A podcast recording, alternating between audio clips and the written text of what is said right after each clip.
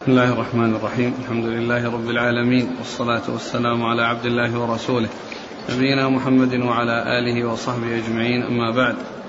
فيقول الإمام الحافظ أبو عبد الله بن ماجه القزويني رحمه الله تعالى يقول في سننه كتاب الطلاق. باب. قال حدثنا سويد بن سعيد وعبد الله بن عامر بن زرارة ومسروق بن المرزبان قالوا حدثنا يحيى بن زكريا بن أبي زائدة عن صالح بن صالح بن حي عن سلمة بن كهيل عن سعيد بن جبير عن ابن عباس رضي الله عنهما عن عمر بن الخطاب رضي الله عنه أن رسول الله صلى الله عليه وسلم طلق حفصة رضي الله عنها ثم راجعها. بسم الله الرحمن الرحيم. الحمد لله رب العالمين وصلى الله وسلم وبارك على عبده ورسوله نبينا محمد وعلى آله وأصحابه أجمعين. أما بعد فيقول الإمام ماجه رحمه الله كتاب الطلاق. لما فرغ من كتاب النكاح عقبه بكتاب الطلاق.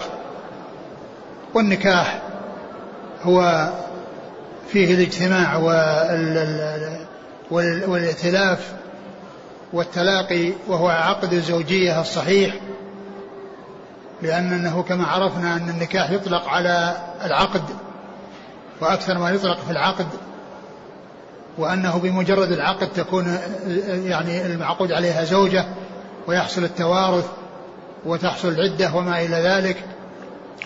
وكتاب الطلاق بعده هو حل عقدة النكاح.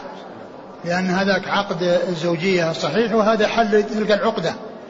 يعني حلها بالفراق وبالافتراق.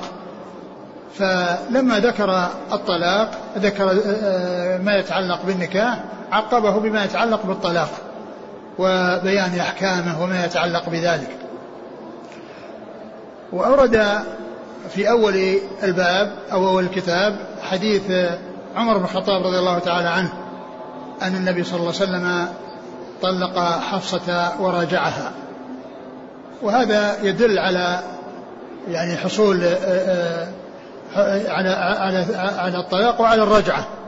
لأن النبي صلى الله عليه وسلم طلق وراجع. حصل منه طلاق حفصة وحصل منه مراجعتها رضي الله تعالى عنها. وهو يدل على أن الطلاق لا ينافي يعني لا ينافي الكمال الرسول صلى الله عليه وسلم أكمل الناس وخير الناس وقد حصل منه الطلاق. ومعلوم أن الطلاق يكون إذا كان لحاجة فإنه آه، محمود. وأما إذا كان لغير ذلك فإنه مذموم. والنبي صلى الله عليه وسلم طلق آه، زوجته أم المؤمنين حفصة رضي الله عنها وأرضاها وراجعها. وهو دال على أن من الطلاق ما لا ينافي الكمال. لأن الرسول عليه الصلاة والسلام أكمل الناس وقد طلق وحصل منه الطلاق ثم حصلت منه المراجعة صلوات الله وسلامه وبركاته عليه. نعم. الاسناد قال حدثنا سويد بن سعيد. سويد بن سعيد هو صدوق. رجله مسلم وابن ماجه. نعم. وعبد الله بن عامر بن زرارة. وهو؟ صدوق رجله مسلم وأبو داود وابن ماجه. نعم. ومسروق بن المرزبان وهو صدوق خرجه ابن ماجه. قالوا حدثنا يحيى بن زكريا بن أبي زائدة. وهو ثقة أخرج أصحاب الكتب. عن صالح بن صالح بن حي. وهو ثقة أخرج أصحاب الكتب. عن سلمة بن كهيل. ثقة أخرج أصحاب الكتب. عن سعيد بن جبير. ثقة أخرج أصحاب الكتب. عن ابن عباس. عبد الله بن عباس رضي الله عنهما أحد العبادلة الأربعة من الصحابة وأحد السبعة المكثرين من حديث الرسول صلى الله عليه وسلم. عن عمر بن الخطاب رضي الله عنه أمير المؤمنين وثاني الخلفاء الراشدين الهاديين المهديين صاحب المناقب الجمة والفضائل الكثيرة رضي الله عنه وأرضاه وحديثه عند أصحاب الكتب الستة وكما ذكرت تكرارا ومرارا أن العشرة المبشرين بالجنة كلهم ممن خرج له أصحاب الكتب الستة نعم. قال حدثنا محمد بن بشار قال حدثنا مؤمل قال حدثنا سفيان عن أبي إسحاق عن أبي بردة عن أبي موسى رضي الله عنه أنه قال قال رسول الله صلى الله عليه وسلم ما بال أقوام يلعبون بحدود الله. يقول أحدهم قد طلقتك قد راجعتك قد طلقتك.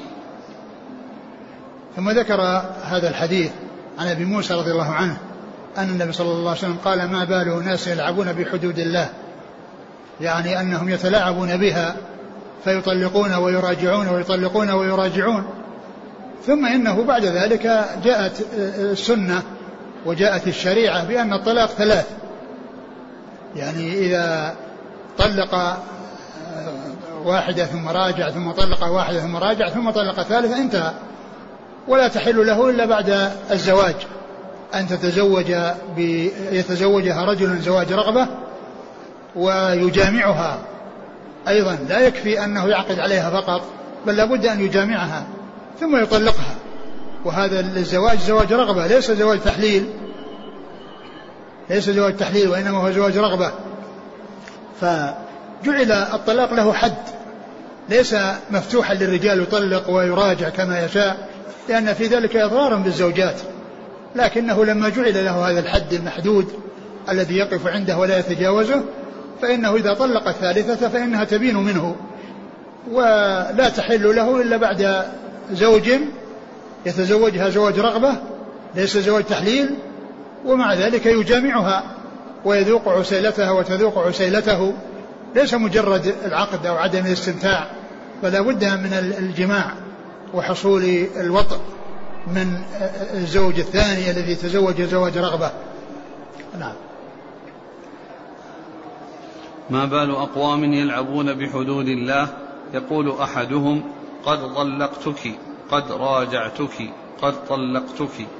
يعني معناه أنه يحصل منهم يعني هذا الفعل يعني وفي ذلك إضرار بالنساء ولكنه جعل له حد يعني ينتهي إليه.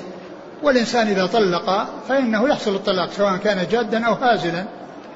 سواء كان جادا أو هازلا فإنه يقع الطلاق. نعم. ما يحصل من من البعض. يقول مثلا طلقتك بعدد نجوم السماء طلقتك ألف طلقت لا هذه مسألة أخرى. يعني قضية العدد مثل طلقت ثلاثا أو أو مئة أو أكثر أو أقل هذه مسألة أخرى. يعني آه، فيها خلاف بين أهل العلم. منهم من قال إنه يقع الطلاق ومنهم من قال إنه لا يقع لأنها تعتبر واحدة. وقد جاء في ذلك حديث عن ابن عباس رضي الله تعالى يعني عنهما وهو حديث صحيح. نعم. لا السؤال أليس هذا من اللعب بحدود الله؟ لأن لا, الحدود لا, شك لا شك أنه من اللعب وخلاف طلاق السنة. نعم. قال حدثنا محمد بن بشار. هو الملقب بن دار ثقة أخرج أصحاب الكتب. عن مؤمل. وهو بن إسماعيل وهو صدوق أخرج له. البخاري تعليقا وأبو داود في القدر والترمذي نعم. والنسائي وابن ماجه. نعم. عن سفيان. سفيان هو الثوري سفيان بن سعيد الثوري ثقة أخرج أصحاب الكتب. عن أبي إسحاق. عن أبي إسحاق السبيعي وهو عمرو بن عبد الله الهمداني السبيعي ثقة أخرج له أصحاب الكتب. عن أبي بردة. أبو بردة بن أبي موسى الأشعري ثقة أخرج أصحاب الكتب. عن أبي موسى. عن أبي موسى الأشعري عبد الله بن قيس رضي الله عنه أخرج له أصحاب الكتب. والحديث ضعف بعنعنة أبي إسحاق وكونه يعني قد اختلط وهو, وهو مدلس روى بالعنعنة وفيه مؤمل بن إسماعيل ولكنه توبع. يعني لم ينفرد بالرواية مؤمل بن إسماعيل ولكن ضعف بكونه من رواية أبي إسحاق السبيعي. نعم. ولكنه معناه صحيح إنه يعني إنه من التلاعب كون إنسان طلقت راجعت طلقت راجعت ولكنه كما هو معلوم حده بمقدار معين. إذا مضت هذه الثلاث آه، انتهت. انتهت صلته بها وعلاقته بها إلا بعد زوج يتزوجها بعد الثالثة ويكون زواج رقبة رغبة وأيضا يحصل منه وطئها. كما جاء ذلك مبينا في الحديث حتى لا حتى تذوقي عسيلته ويذوق عسيلتك. قال حدثنا كثير بن عبيد الحمصي قال حدثنا محمد بن خالد عن عبيد الله بن الوليد الوصافي عن محارب بن دثار عن محارب بن دثار عن عبد الله بن عمر رضي الله عنهما أنه قال قال رسول الله صلى الله عليه وسلم أبغض الحلال إلى الله الطلاق. ثم ذكر هذا الحديث عن ابن عمر رضي الله عنهما أبغض الحلال إلى الله الطلاق. ومعلوم أن الطلاق أحله الله عز وجل وشرعه الله ولكنه إذا كان آه، يعني ليس له يعني داع يدعو إليه وليس هناك أمر يقتضيه فإنه ليس بمحبوب. أما إذا كان البغض وعدم الارتياح والطمأنينة وعدم الاستئناس بهذا بهذا الزواج وحصول الخصام والنزاع والشقاق وحصول الفتن بسبب ذلك فإنه يعني يصير مرغوبا فيه ويصير يعني ويكون مطلوبا. ولا يصلح البقاء من غير مع الخصام والشدة وإذا الزوجين بعضهم بعض فإذا حصل الطلاق لأمر يقتضي فإن هذا يكون محبوبا وليس بمبغوض ولكن الحديث في إسناده ضعف. نعم. قال حدثنا كثير بن عبيد الحمصي هو؟ ثقة أخرج أبو داود والنسائي بن ماجه. نعم. عن محمد بن خالد وهو صدوق رجل أبو داود والنسائي في عمل يوم والليلة وابن ماجه. عن عبيد الله بن الوليد الوصافي وهو ضعيف. رجل البخاري في المفرد والترمذي وابن ماجه. نعم. عن محارب بن ديثار. ثقة أخرج أصحاب الكتب. عن عبد الله بن عمر. رضي الله تعالى عنهما أحد العبادلة الأربعة وأحد السبع المكثرين من حديث الرسول صلى الله عليه وسلم.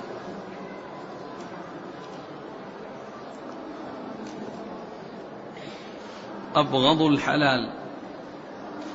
وصف الحلال بأنه مبغوض. أولا كما عرفنا الحديث آه، غير صحيح. ولكن يعني يكون الحلال فيه شيء يعني محبوب وشيء آه، يعني آه، مبغوض. هو مبغوض إذا كان من غير حاجة ومن غير يعني وفيه يعني ضرر على الزوجة من غير سبب. يعني لا يكون مثل إذا كان عن حصول شقاق وحصول نزاع وأن الخير في ترك الزواج وفي الطلاق. يعني هذا إذا كان ما هناك أمر هناك ليس هناك أمر يقتضيه. يعني يكون من هذه الناحية يوصف بهذا الوصف. لكن الحديث كما عرفنا غير صحيح. ويكون الطلاق محمودا في حال ومذموما في حال.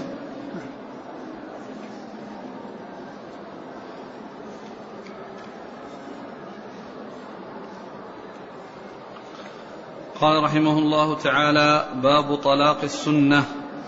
قال حدثنا أبو بكر بن أبي شيبة قال حدثنا عبد الله بن إدريس عن عبيد الله عن نافع عن ابن عمر رضي الله عنهما أنه قال طلقت امرأتي وهي حائض فذكر ذلك عمر رضي الله عنه لرسول الله صلى الله عليه وسلم فقال مره فليراجعها حتى تطهر ثم تحيض. ثم تطهر ثم إن شاء طلقها قبل أن يجامعها وإن شاء أمسكها فإنها العدة التي أمر الله. ثم ذكر طلاق السنة.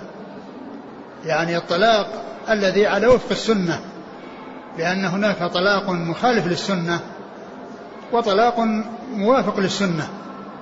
وليس المقصود من ذلك يعني بيان أن الطلاق يعني بيان سنيته وأن وأنه من يعني الترغيب فيه أو يعني وإنما المقصود منه موافقة للسنة لأن فيه طلاق سنة وطلاق بدعة طلاق محمود وطلاق مذموم.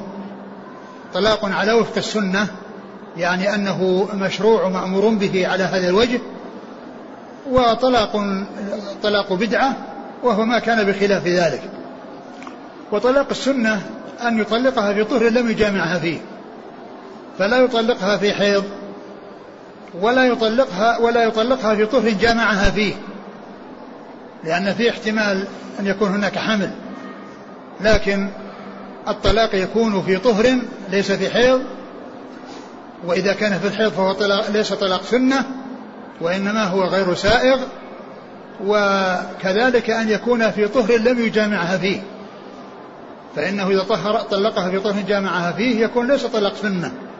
لأن السنة جاءت أنه يطلقها في طهر لم يجامعها فيه فلا في فلا يكون في حيض ولا في آآ آه، آآ آه، كونه آآ آه، في طهر جامعها فيه.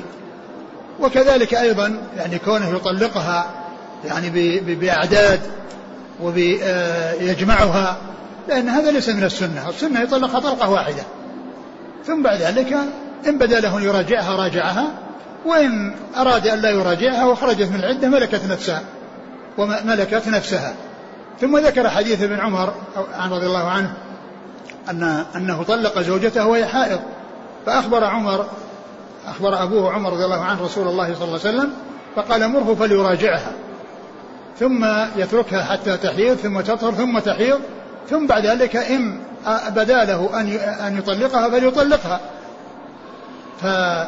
فقال فتلك العدة التي أمر الله.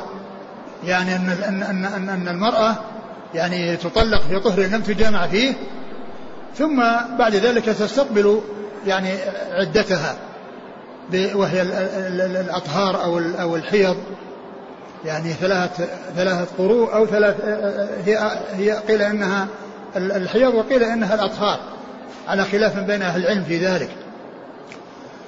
وقال, وقال إن أن أن عمر رضي الله عنه لما أخبر الرسول عليه الصلاة والسلام قال مره فليراجعها فدل على أن الطلاق في الحيض أنه يقع وأنه معدود وعليه جماهير أهل العلم ولكنه لكونه ليس على وفق السنة فإنه تحصل المراجعة فيه ولكنها تكون محسوبة عليه.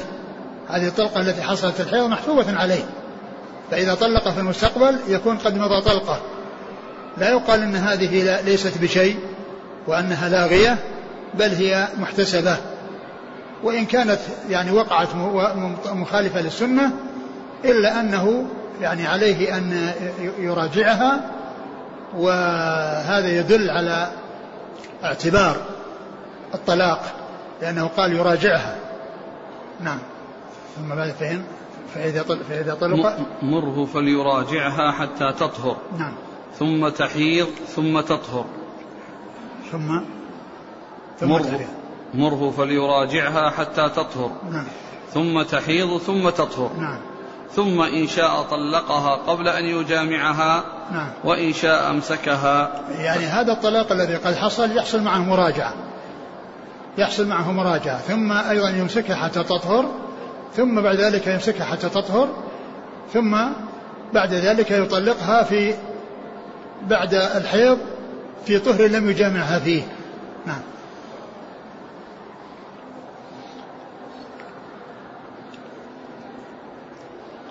قال حدثنا أبو بكر بن أبي شيبة. ثقة أخرج أصحاب الكتب إلى الترمذي. عن عبد الله بن إدريس. الأودي ثقة أخرج أصحاب الكتب. عن عبيد الله. ابن عبد ابن عبد الله بن عمر العمري المكبر ثقة المصغر ثقة أخرج أصحاب الكتب. عن نافع. نافع مولى بن عمر ثقة أخرج أصحاب الكتب. عن ابن عمر. نعم. قال فذكر ذلك عمر لرسول الله. نعم. يعني ذكر ما حصل من ابنه يعني الذي أخبر النبي عليه السلام هو عمر ليس عمر ابن عمر. لأن عمر علم فأخبر النبي عليه السلام فقال مره فليراجعها.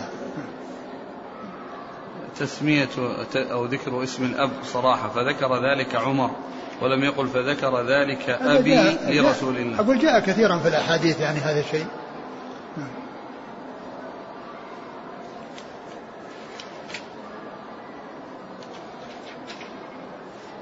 قل ما هي الحكمة أن يراجعها إذا طلقها وهي حائض؟ لماذا يرجعها؟ لأنها يعني الطلاق يعني آه الطلاق وقع على خلاف السنة. فإذا يراجعها حتى يكون الطلاق على وفق السنة. إذا كانت هذه الطلقة في الحيض وهي الثالثة يراجع؟ لا الطلقة هذه يعني يعني يعني هذا هذا الذي حصل طلقة محسوبة. لكن بعد ذلك قال فإن بدا له أن أن يمسكها يمسكها ولا يطلقها نعم. فإذا طلقة ثانية يصير. هو يسأل يقول إذا كانت هذه الطلقة التي وقعت في الحيض هي آخر الطلقات له؟ خلاص إذا كان آخر الطلقات يعني خلاص يعني آه، آه، تعتبر هي آه، انتهى انتهى انتهى ما له انتهى ما له من الطلقات. لأنها ثلاث إذا كانت هذه الثالثة معناها أنها محسوبة. فتكون يعني معنى ذلك أنه أنها بانت منه. يعني وتحتاج بعد ذلك إلى إلى إلى زوج أو إلى زواج جديد ويعني يطأها ثم تعود إليه. لكن هذا الذي حصل هو يعني ليست هي طلقة ثالثة وإنما هي طلقة أولى أو ثانية والغالب أنها الأولى. لأنه لو كانت ثالثة لبين له. أقول لبين ذلك عمر للرسول صلى الله عليه وسلم. لما لم يأذن النبي صلى الله عليه وسلم لابن عمر أن يطلق زوجته في الطهر الذي بعد الحيضة؟ هذه مباشرة. بل قال تطهر ثم تحيض ثم تطهر. ما أدري. ما أدري العلة وش. أليس الحكمة من منع التطليق في زمن الحيض؟ هو كون المرأة يتغير مزاجها بعكس زمن الطهر والبعض يذكر بأن العلة هي تطويل العدة. أيهما صحيح؟ كونه يطلع يعني يتغير مزاجها أو كذا لا لا أعرف أنا وجه يعني التعليل لهذا. أقول ما أعرف التعليل لهذا لهذا الذي آه، التطليق في الحيض.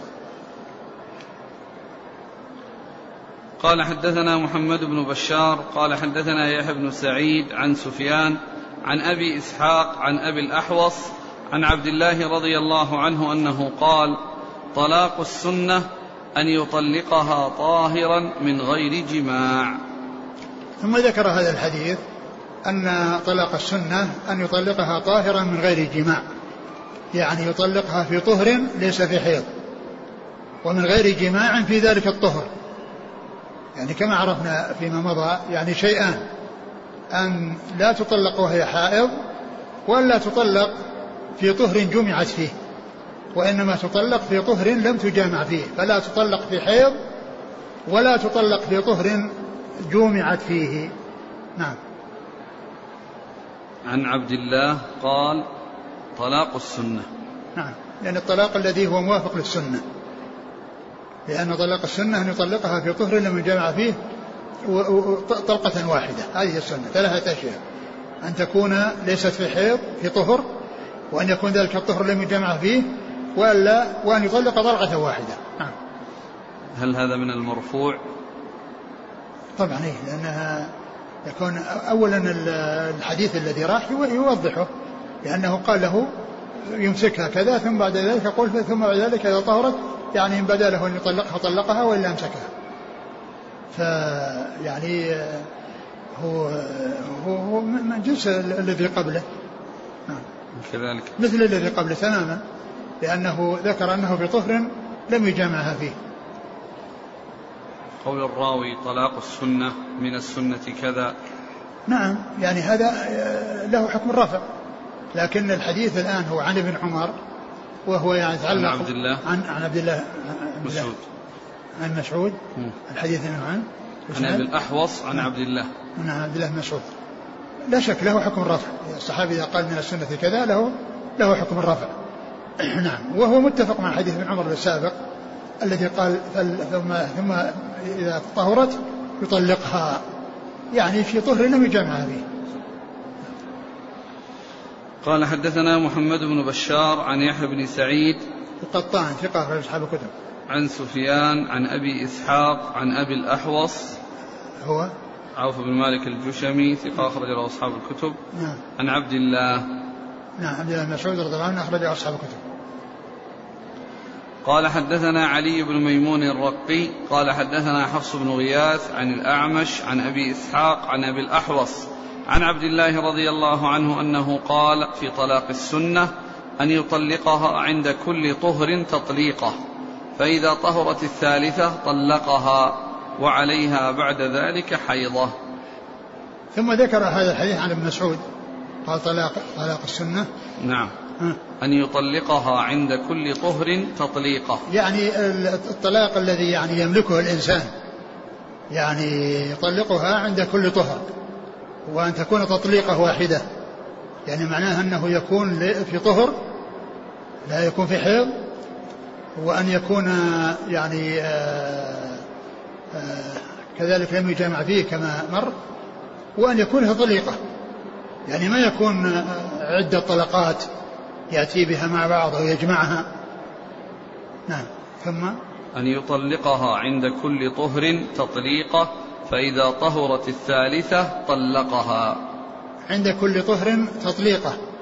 يعني آه يعني أن, أن, أن كونه يطلقها يعني آه، أول مرة التي يملكها وهي في طهر ثم يطلقها الثانية يعني وهي يعني في طهر ثم يطلقها الثالثة التي يملكها وهي آخر طلقاته ثم بعد ذلك إيش؟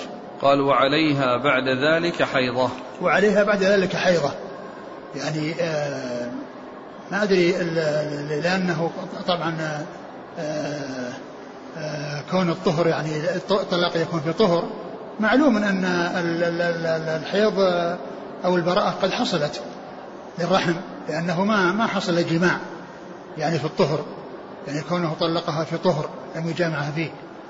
لكن إن كان طلقها في طهر جامعها فيه فإن يعني من أهل العلم من يقول أنها في الطلقة الأخيرة أنها تعتد بثلاث طلقات بثلاث حيض ومنهم من يقول أنها تعتد بحيضة واحدة.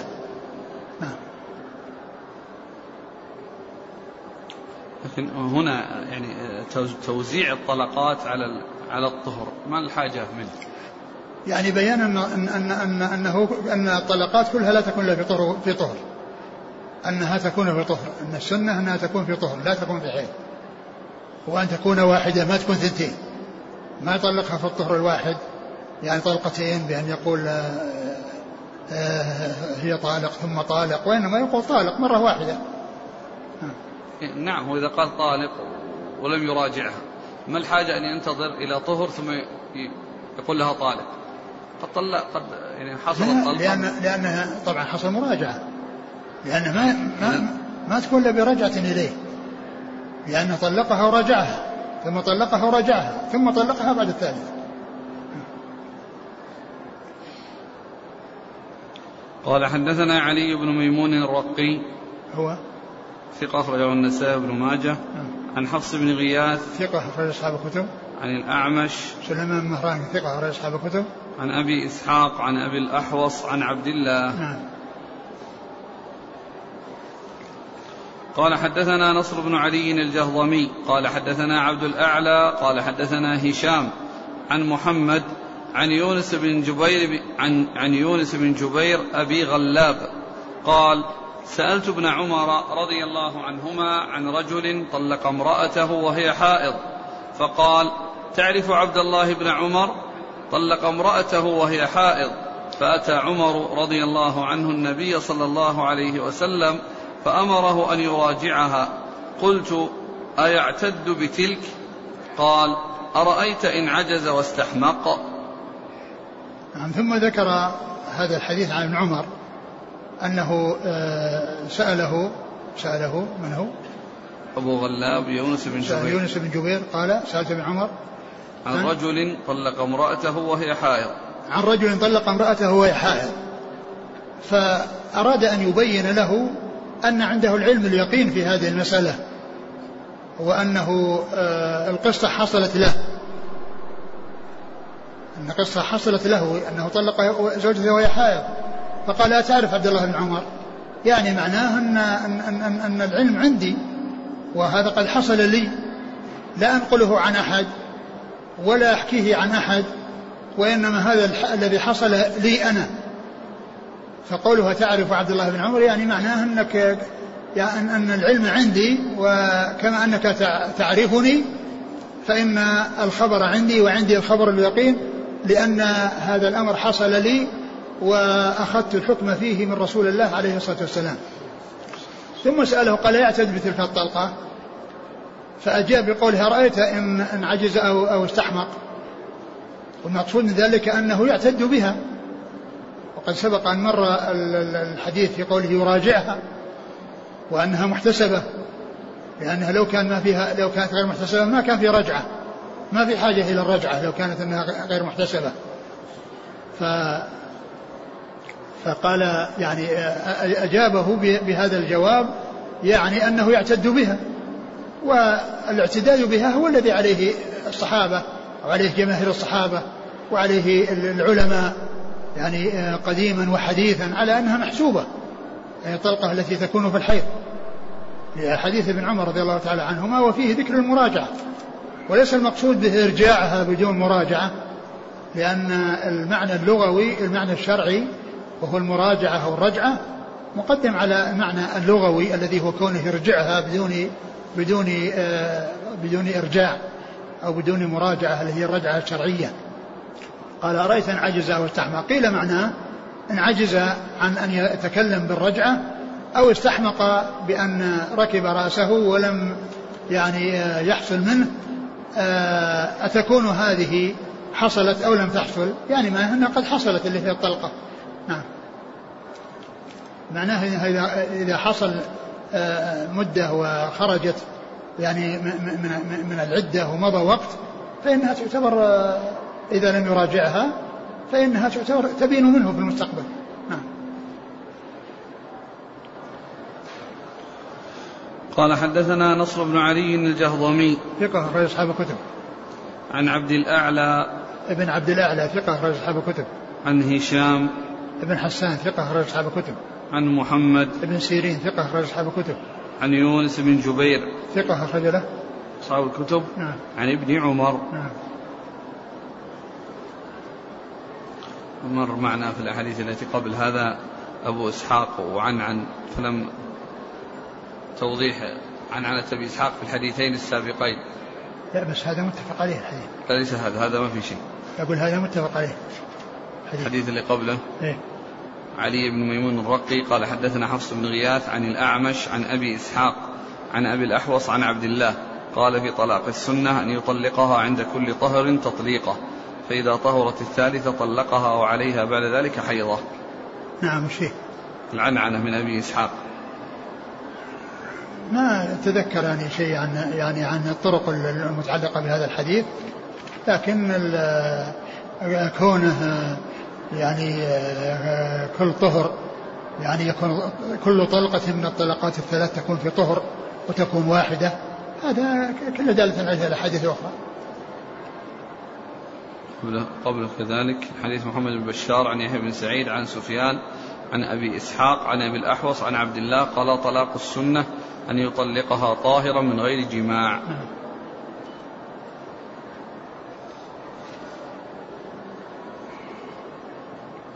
هذا يكون العنعنة؟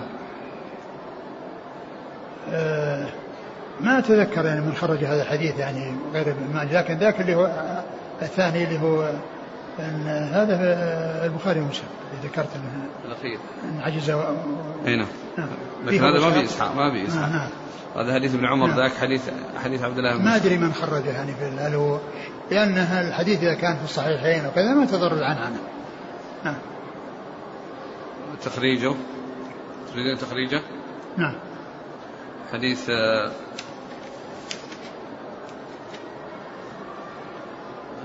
حديث أبي, أبي إسحاق عن أبي الأحوص عن عبد الله قال طلاق السنة أن يطلقها طاهرا من غير جماع أخرجه النسائي. وبشار يقول إسناده صحيح. سفيان الثوري سمع من أبي إسحاق السبيعي قبل الاختلاط فروايته عنه صحيحة بل هو من أثبت الناس فيه. ثم الإسناد الثاني قال كما تقدم في تخريج الذي قبله إسناده صحيح. نعم.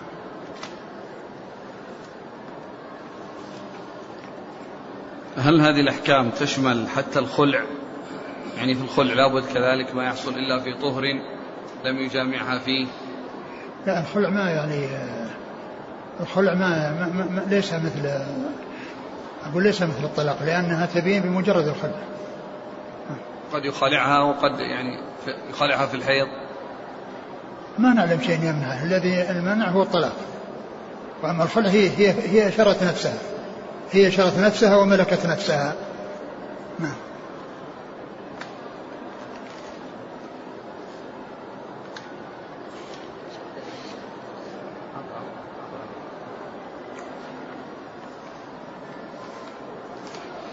يعني الخلع ما نعلم أن شيء يمنع منه يعني كون أنها لا تخالع إلا وهي يعني لأن الطلاق هو الذي يحتاج الذي جاء فيه. مثل ما أن الزواج أن العقد يعني يحصل في زمن الحيض ما في بأس. العقد كون يعقد عليها وهي حيض ما في بأس. قال رحمه الله تعالى باب الحامل كيف تطلق؟ قال حدثنا أبو بكر بن أبي شيبة وعلي بن محمد قال حدثنا وكيع عن سفيان عن محمد بن عبد الرحمن مولى آل طلحة عن سالم عن ابن عمر رضي الله عنهما أنه طلق امرأته وهي حائض فذكر ذلك عمر رضي الله عنه للنبي صلى الله عليه وعلى آله وسلم فقال مره فليراجعها ثم ثم يطلقها وهي طاهر أو حامل. ثم ذكر يعني هذا الحديث عن ابن عمر وأن التطليق الترجمة هي طلاق الحامل وأنها تطلق الحامل يمكن أن تطلق في الحامل لأن المرأة تطلق إما حائلا وإما حاملا إما حائلا يعني ليس فيها ولد إنها يعني في طهر لم تجامع فيه وإما وهي حامل. هذا هو طلاق السنة أن تطلق إما وهي حامل أو حائل.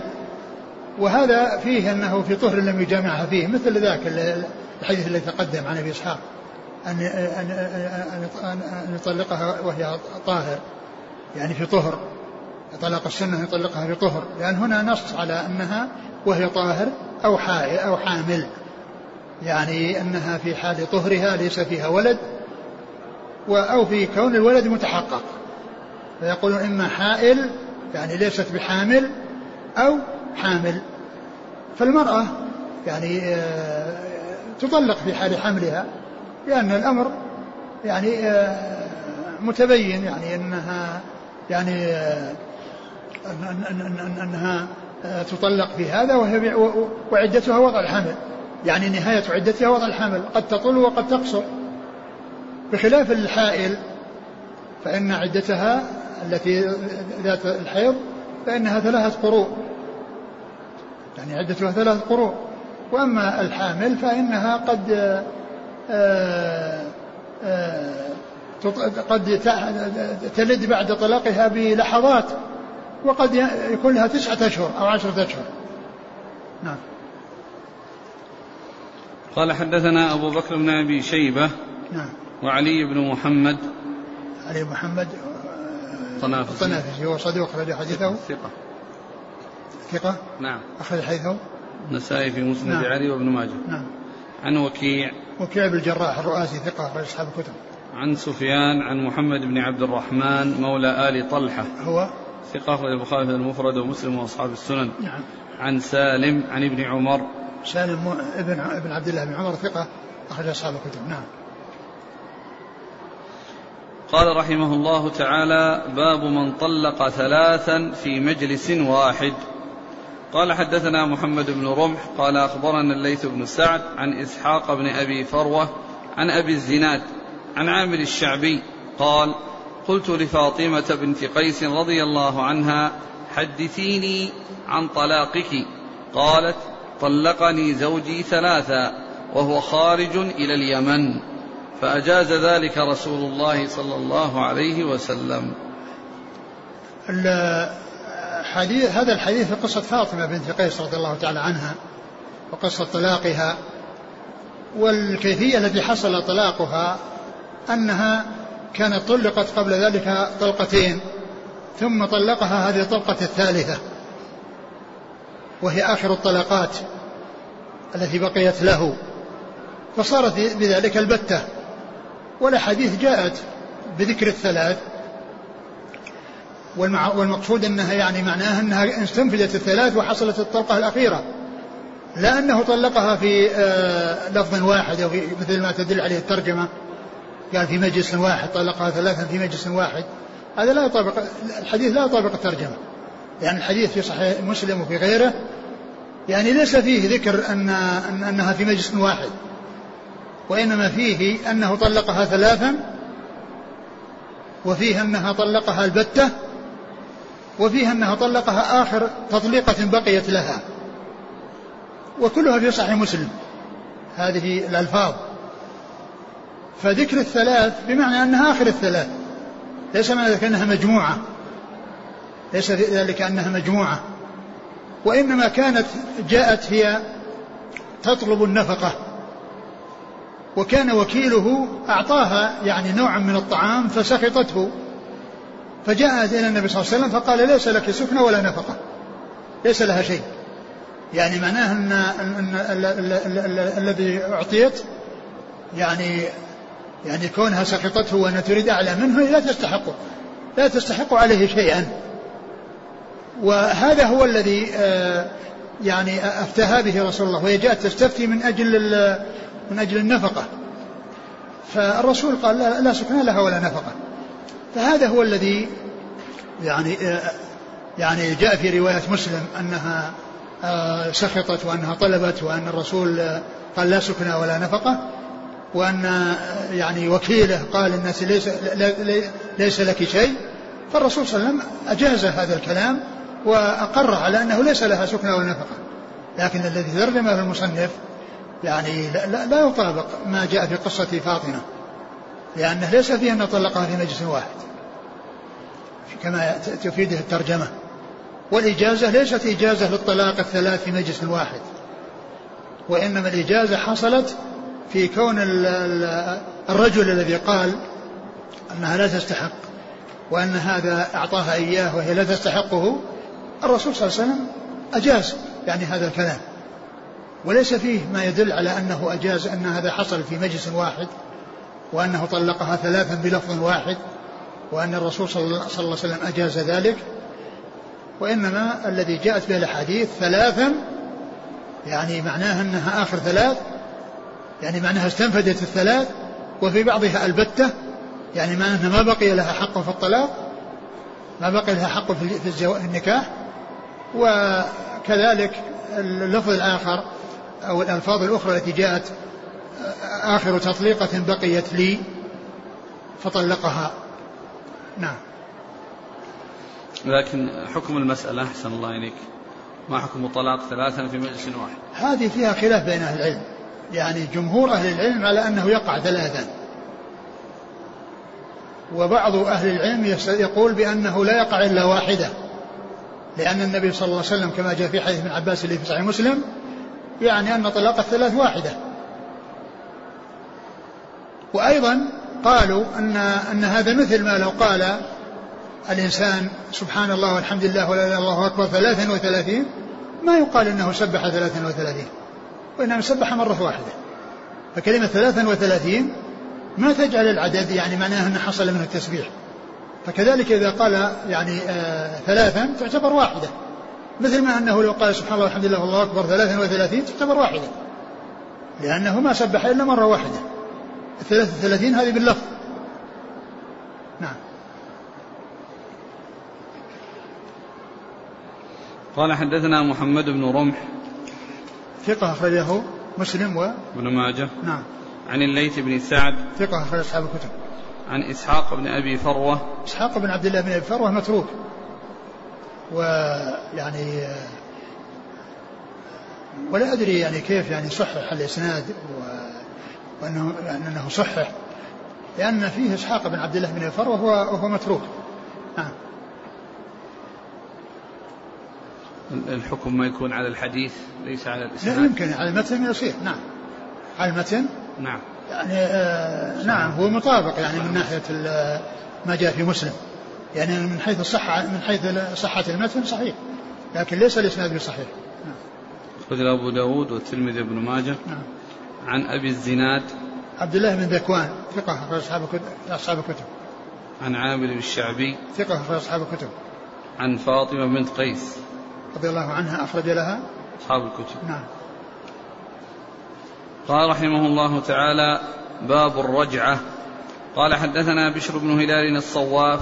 قال حدثنا جعفر بن سليمان الضبعي عن يزيد الرشك عن مطرف بن عبد الله بن الشخير أن عمران بن الحصين رضي الله عنهما سئل عن رجل يطلق امرأته ثم يقع بها ولم يشهد على طلاقها ولا على رجعتها. فقال عمران طلقت بغير سنة وراجعت بغير سنة أشهد على طلاقها وعلى رجعتها. ثم قال باب الرجعة. يعني الرجعة هي إرجاع الزوجة وهذا إنما يكون إذا طلقت طلاقا رجعيا وكانت في العدة. طلاق الرجعي أن تكون طلقة واحدة أو الطلقة الثانية. سبق طلقة وجاءت الثانية. فإنه يملكها أو يملك إعادتها ما دامت في العدة. لم تخرج من العدة. فإذا خرجت من العدة ملكت نفسها. إذا خرجت من العدة ملكت نفسها. ويكون خاطب من الخطاب إذا أرادها. لأنه إذا خرجت من العدة يعني فهي تملك نفسها. وإذا يعني ويكون هو واحد من الخطاب. إن أرادت أن ترجع إليه وأنه يتزوجها من جديد تزوجها بمهر وعقد جديد. وإن تركته ورغبت بغيره فإن ذلك بيدها لأنها ملكت نفسها. فإذا الطلاق الرجعي هو الذي يكون بحال العدة وفي الطلاق الذي فيه رجعة وهي الأولى أو الثانية. أما بعد الثالثة ما في رجعة. ما يملك الرجعة لأنها تبين. يعني آه، اللي هي الطلقة الثالثة بعد الثالثة تبين منه. ولا يملك إرجاعها وإنما يرجعها في طلاق الرجعي الذي هو بعد الأولى أي بعد الطلقة الأولى أو بعد الطلقة الثانية. و آه، من هو سئل عمران بن حسين سئل عن رجل نعم عن رجل عن رجل يطلق امرأته ثم يقع بها ولم يشهد على طلاقها وعلى ولا على رجعتها. يعني قال طلق بغير سنة ورجع بغير سنة. يعني أنه لم يفعل المشروع لكن الطلاق قد حصل. يعني الإنسان لو طلق وما عنده شهود واعترف بالطلاق هذا خلاص يحصل الطلاق. لكن السنة أنه يشهد. لكن ليس معنى ذلك أنه لا يثبت إلا بالإشهاد. لا يثبت الطلاق بدون إشهاد.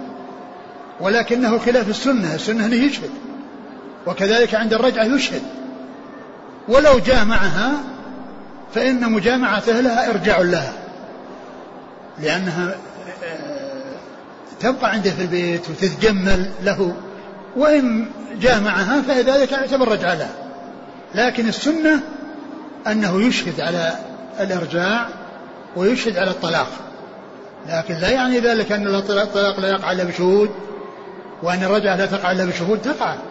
يقع الطلاق بدون شهود. وتقع الرجعة بدون شهود. لكن السنة أن يكون هناك إشهاد. أن يكون هناك إشهاد على الطلاق وعلى الرجعة. لا على أن الطلاق والرجعة لا تقع إلا بالإشهاد. يعني آه، بل تقع بدون إشهاد. ولكن السنة هو حصول الإشهاد على الطلاق وعلى الرجعة.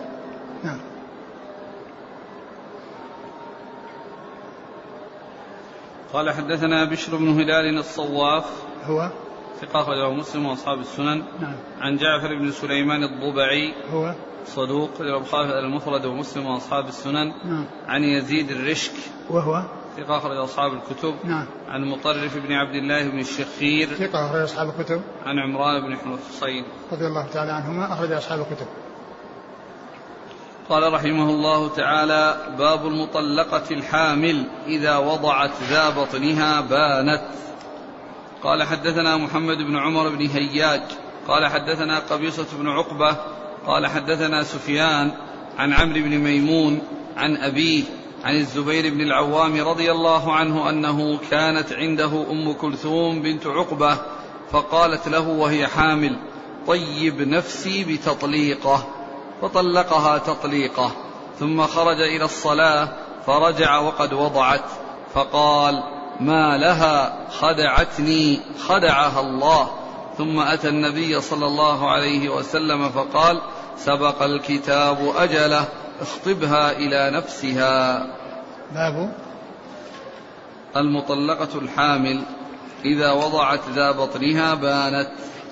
باب المطلقة الحامل إذا وضعت ما في بطنها بانت يعني معناه ملكت نفسها ملكت نفسها لأن عدتها وضع الحمل. وقد تكون وضع الحمل لحظات قد يكون الحمل يعني دقائق وشيء قليل من الزمان وقد يكون يعني عشرة أشهر أو أكثر. فالحامل تعتد بوضع الحمل. طال الأمد أو قصر. وغير الحامل التي هي الحائل تعتد بثلاث حيض إذا كانت تحيض أو يعني بثلاثة أشهر إذا كانت صغيرة أو آيسة من المحيض أما إذا كانت حاملا فإن عدتها وضع الحمل طال طالت المدة أو قصرت. كأن هذه المرأة كانت لا تريده وكانت حاملا وحست بالطلق وقرب الولادة فجاءت تكلمه بهذا الكلام فأعطاها طيب خاطرها بهذه الطلقة ثم خرج إلى الصلاة. ولما رجع وإذا هي قد وضعت وإذا هي قد وضعت. فجاء إلى النبي صلى الله عليه وسلم وقال سبق الكتاب أجله. يعني معناه خلاص خرجت من عدة خطبها. يعني هو يصير واحد من الخطاب. يكون واحد من الخطاب لأنها ملكت نفسها. فإن رغبت فيه يعني عقد عليها عقدا جديدا وإلا فإنها ملكت نفسها. نعم. قال حدثنا محمد بن عمر بن هياج هو؟ صدوق له الترمذي والنسائي بن ماجه. نعم. عن قبيصة بن عقبة وهو؟ صدوق له أصحاب الكتب. نعم. عن سفيان الثوري ثقة أصحاب الكتب. عن عمرو بن ميمون ثقة أخرج له. أصحاب الكتب. نعم. عن أبيه وهو ثقة أخرج أصحاب الكتب. البخاري المفرد ومسلم وأصحاب السنن. ميمون المهران نعم. نعم. عن الزبير بن العوام. رضي الله عنه أخرج أصحاب الكتب.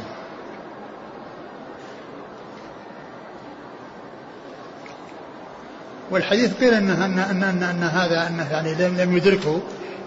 ولكن جاء في بعض الطرق أنه من رواية أم كلثوم وهي صحابية. نعم.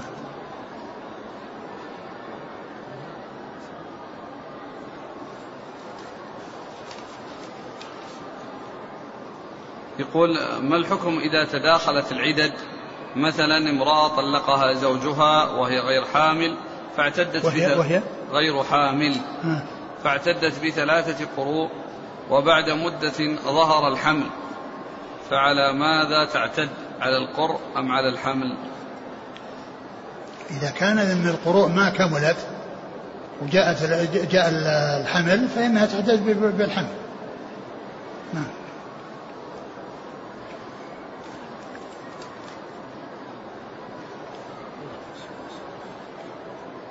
يقول قولكم حفظكم الله قد تطول المدة بعشرة أشهر أشكل علي. قد تكون أكثر. لأن الحامل يعني سنتين. نعم.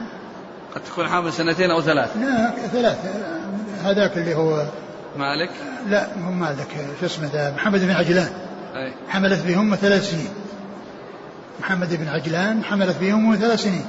يعني هذا من الأشياء ال- التي تحصل. مهما طال لكن في الغالب أن الحمل تسعة أشهر. الغالب. أنا تسعة أشهر أو عشرة. آه. وأقله آه، ستة أشهر. أقله ستة أشهر وليس لأكثر الحد لكنها غالبه يعني تسع أو, عشر. وبعض ال يعني المولودين يعني مكثوا في أو بعض يعني الرواة مكثوا مدة طويلة في مثل قلت محمد بن عجلان. نعم. قال رحمه الله تعالى باب الحامل المتوفى عنها زوجها إذا وضعت حلت للأزواج. قال حدثنا أبو بكر بن أبي شيبة قال حدثنا أبو الأحوص عن منصور عن إبراهيم عن, عن إبراهيم عن الأسود عن أبي السنابل رضي الله عنه أنه قال وضعت سبيعة الأسلمية رضي الله عنها وضعت سبيعة الأسلمية بنت الحارث حملها بعد وفاة زوجها ببضع وعشرين ليلة. فلما تعلت من نفاسها تشوفت فعيب ذلك عليها وذكر أمرها للنبي صلى الله عليه وسلم فقال إن تفعل فقد مضى أجلها. ثم ذكر باب الحامل المتوفى عنها زوجها إذا وضعت حلت للأزواج. نعم باب الحامل المتوفى عنها زوجها إذا وضعت حلت للأزواج يعني أن عدتها في الوفاة كعدتها في الطلاق الحامل عدتها في الطلاق وضع الحمل والمتوفى عنها عدتها وضع الحمل. بالنسبة للطلاق كما عرفنا الحائل ثلاثة, قروء ثلاثة قروء والمتوفى عنها زوجها إذا كانت حائلا تكون أربعة أشهر وعشر. وإن كان والحامل عدتها واحدة وهي وضع الحمل في الطلاق وفي الوفاة. عدتها واحدة في الطلاق وفي الوفاة. فإذا آه، خرجت أو ولدت المرأة فإنها تحل للأزواج. تحل للأزواج لكن كما هو معلوم ويمكن أن يعقد عليها وهي في حال نفاسها. مثل ما عرفنا أنه يمكن يعقد عليها في حال حيضها يعقد عليها في حال الحيض ويعقد في حال النفاس. لكن لا يحصل الجماع في حال الحيض ولا في حال النفاس إذا حصل العقد. ف فذكر حديث سبيعة الأسلمية رضي الله عنها أنها لما توفي زوجها ومكثت يعني بضعا وعشرين ليلة وبعد ذلك يعني لما يعني خرجت من النفاس وانتهت تهيأت للخطاب فعيد فعيب عليها ذلك. فالرسول صلى الله عليه وسلم أخبر بأنها الحامل إذا وضعت حملها فإنها تحل للأزواج. يعني يحل الزواج بها ولكنها لا تجامع إلا بعد الطهر كما أن الحائض يعقد عليها ولا تجامع إلا بعد الطهر. نعم.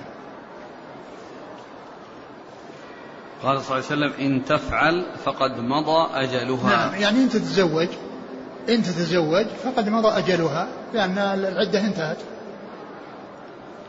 قال حدثنا أبو بكر بن أبي شيبة عن أبي الأحوص سلم بن سليم الحنفي ثقة أخرج أصحاب الكتب.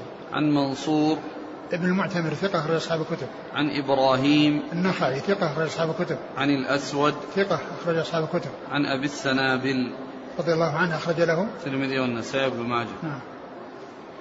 قال حدثنا أبو بكر بن أبي شيبة قال حدثنا علي بن مسهر عن داود بن أبي هند عن الشعبي عن مسروق وعمر بن عتبة أنهما كتبا إلى سبيعة بنت الحارث رضي الله عنها يسألانها عن أمرها فكتبت إليه إليهما إنها وضعت بعد وفاة زوجها بخمسة وعشرين فتهيأت تطلب الخير فمر بها أبو السنابل بن وعكك رضي الله عنه. فقال لقد أسرعت اعتدي آخر الأجلين أربعة أشهر وعشرا. فأتيت النبي صلى الله عليه وسلم فقلت يا رسول الله استغفر لي. قال مما ذاك؟ فأخبرته فقال إن وجدت زوجا صالحا فتزوجي. ثم ذكر هذا الحديث في قصة سبيعة وأن هذين الرجلين من التابعين كتب إليها يسألانها عن عن عن عن, عن حالها وحال حال عدتها فأخبرت بأنها آه، توفي زوجها وبعد آه، آه، أنها وضعت بعد وضعت توفي زوجها وضعت بعد وفاة زوجها ب 25 هناك قال بضع 20 وهنا قال 25 يعني حدد هنا اليوم والمدة وأنها 25 لأن البضع هو من الاثنين إلى العشرة. يعني داير بين هذا وهذا ولكن هذا فيه تحديد وأن تعيين المدة وأنها 25 فلما رآها أبو السنابل ويعني أنكر عليها ذلك وقال اعتدي أبعد الأجلين يعني الذي هو أربعة أشهر عشر لأنه ما مضى إلا مدة وجيزة لم يصل إلى أبعد الأجلين الذي هو. فجاء فجاءت النبي صلى الله عليه وسلم وقالت استغفر لي قال وما ذاك؟ يعني أنها حصل منها أمر يعني غير سائغ. فالرسول عليه السلام قال إن إن أدركت خيرا إن وجدت زوجا صالحا فتزوجي. إن, إن وجدت زوجا صالحا فتزوجي. يعني معناه أن أن وضع الحمل هو الذي يكون به الخروج من العدة وليس أبعد الأجلين كما قال لها أبو السنابل. نعم. قال حدثنا أبو بكر بن أبي شيبة عن علي بن مسهر عن داود بن أبي هند. أبعد الأجلين يعني هذه كانت المدة يعني قليلة. وقد تكون يعني المدة أكثر من أشهر عشر وهي حامل. يعني قد تكون يعني يمضي عليها تسعة أشهر. فأبعد الأجلين يعني إما البلوغ إلى 24 إذا كان قبل ذلك آه، أربعة أشهر عشر أو إلى تسعة أشهر إذا كان بعد الأربع الأربعة أشهر عشر. أبعد الأجلين إما الولادة وضع الحمل أو إتمام أربعة أشهر أربعة أشهر وعشر. نعم. قال حدثنا أبو بكر بن أبي شيبة عن علي بن مسهر ثقة أخرج أصحاب الكتب. عن داود بن أبي هند. وهو؟ ثقة أخرج البخاري تعليقا ومسلم وأصحاب السنن. نعم. عن الشعبي. عامر بن شرحيل ثقة أخرج أصحاب الكتب. عن مسروق. ابن الأجدع ثقة أخرج أصحاب الكتب. وعمرو بن عتبة. هو؟ ثقة أخرجه النسائي بن ماجه نعم. عن سبيعة بنت الحارث. أخرج لها. أصحاب الكتب إلا الترمذي. نعم. يقول الأخ هل في الحديث دلالة على أن المرأة لها أن تبحث عن زوج وتتعرض؟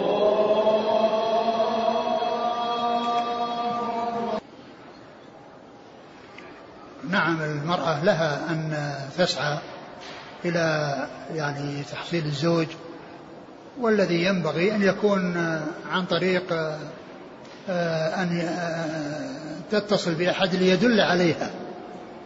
يعني ليدل عليها ويكون يعني سببا في وصول الأزواج إليها. لأن الأزواج يعني قد يرغبون في المرأة ولا يدرون عنها شيئا ولا تأتي على بال أحد منهم. لكن إذا نبه الإنسان الذي يبحث عن زوجة ودل على امرأة فإن ذلك سعي طيب بدل من كونها يعني تسعى وتقابل أو تتصل أو يعني تتكلم مع أحد بدلا من هذا تتصل بأحد على أن يكون واسطة خير وأن يكون يعني يدل عليها ويرشد من يريد الزواج إليها. هذا هو الذي ينبغي.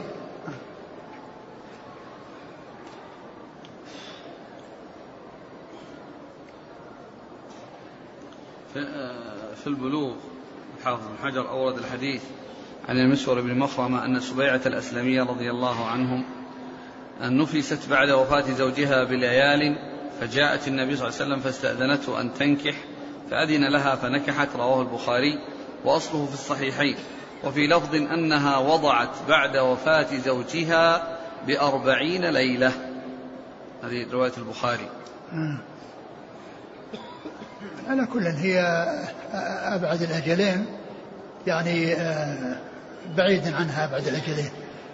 لأن أربعين يعني ليلة سواء كانت أربعة وعشرين أو وضع وعشرين أو أربعين يعني آه، هي بعيدة عن أبعد الأجلين الذي هو أربعة أشهر وعشر وعدته وضع الحمل. والنفاس كما هو معلوم قد يبلغ أربعين وقد يكون آه، أيام قليلة. والمعتبر هو الطهر. إذا طهرت ولو بعد مدة وجيزة فهي انتهت من النفاس. لكن إن رجع الدم عليها وهي في الأربعين فإنه تجلس. نعم. قال حدثنا نصر بن علي ومحمد بن بشار قال حدثنا عبد الله بن داود قال حدثنا هشام بن عروة عن أبيه عن المسور بن مخرمة رضي الله عنهما أن النبي صلى الله عليه وعلى آله وسلم أمر سبيعة رضي الله عنها أن تنكح إذا تعلت من نفاسها. يعني أمرها أمر الرسول صلى الله عليه وسلم سبيعة أن تنكح إذا تعلت من نفاسها يعني إذا خرجت من نفاسها وانتهت من نفاسها. لكن جاء في بعض الأحاديث أن, أن, أن, أن, أن, أن أنها يعني إذا وضعت حملها فإنها ملكت نفسها فإنها ملكت نفسها وكما قلت أن العقد يجوز أن يكون في حال النفاس لكن لا يكون الوطء إلا بعد الطهر. نعم. قال حدثنا نصر بن علي. نصر بن علي ثقة أخرج أصحاب الكتب. ومحمد بن بشار. ثقة أخرج أصحاب الكتب. وهما شيخان. يعني هذان شيخان لأصحاب الكتب الستة. نعم. وعن عبد الله بن داود. الخريبي وهو ثقة أخرج البخاري وأصحاب السنن. نعم. عن هشام بن عروة. ثقة أخرج أصحاب الكتب. عن أبيه. ثقة أخرج أصحاب الكتب. عن المسور بن مخرمة. رضي الله عنه أخرج أصحاب الكتب الستة. قال حدثنا محمد بن المثنى. قال حدثنا أبو معاوية عن الأعمش عن مسلم عن مسروق عن عبد الله بن مسعود رضي الله عنه أنه قال والله لمن شاء لا عناه. لأنزلت سورة النساء القصرى بعد أربعة أشهر وعشرا. ثم ذكر هذا الحديث عن مسعود أنه قال لمن؟ لمن؟ والله لمن شاء لا عناه. يعني باهلناه. لأن ذكر لا عناه لأن في المباهلة نجعل لعنة الله على الكاذبين. فيعني معناه أن أن أن الحكم للمتوفى عنها زوجها هو وضع الحمل. وليس أربعة أشهر وعشر. وقال إن آية الطلاق أن سورة الطلاق الصغرى سورة النساء. سورة النساء الصغرى. القصرى. القصرى. نعم. سورة النساء القصرى يعني القصيرة التي سورة الطلاق. لأن يعني النساء جاء كثير من أحكامها في سورة الطلاق وفي سورة وفي سورة البقرة.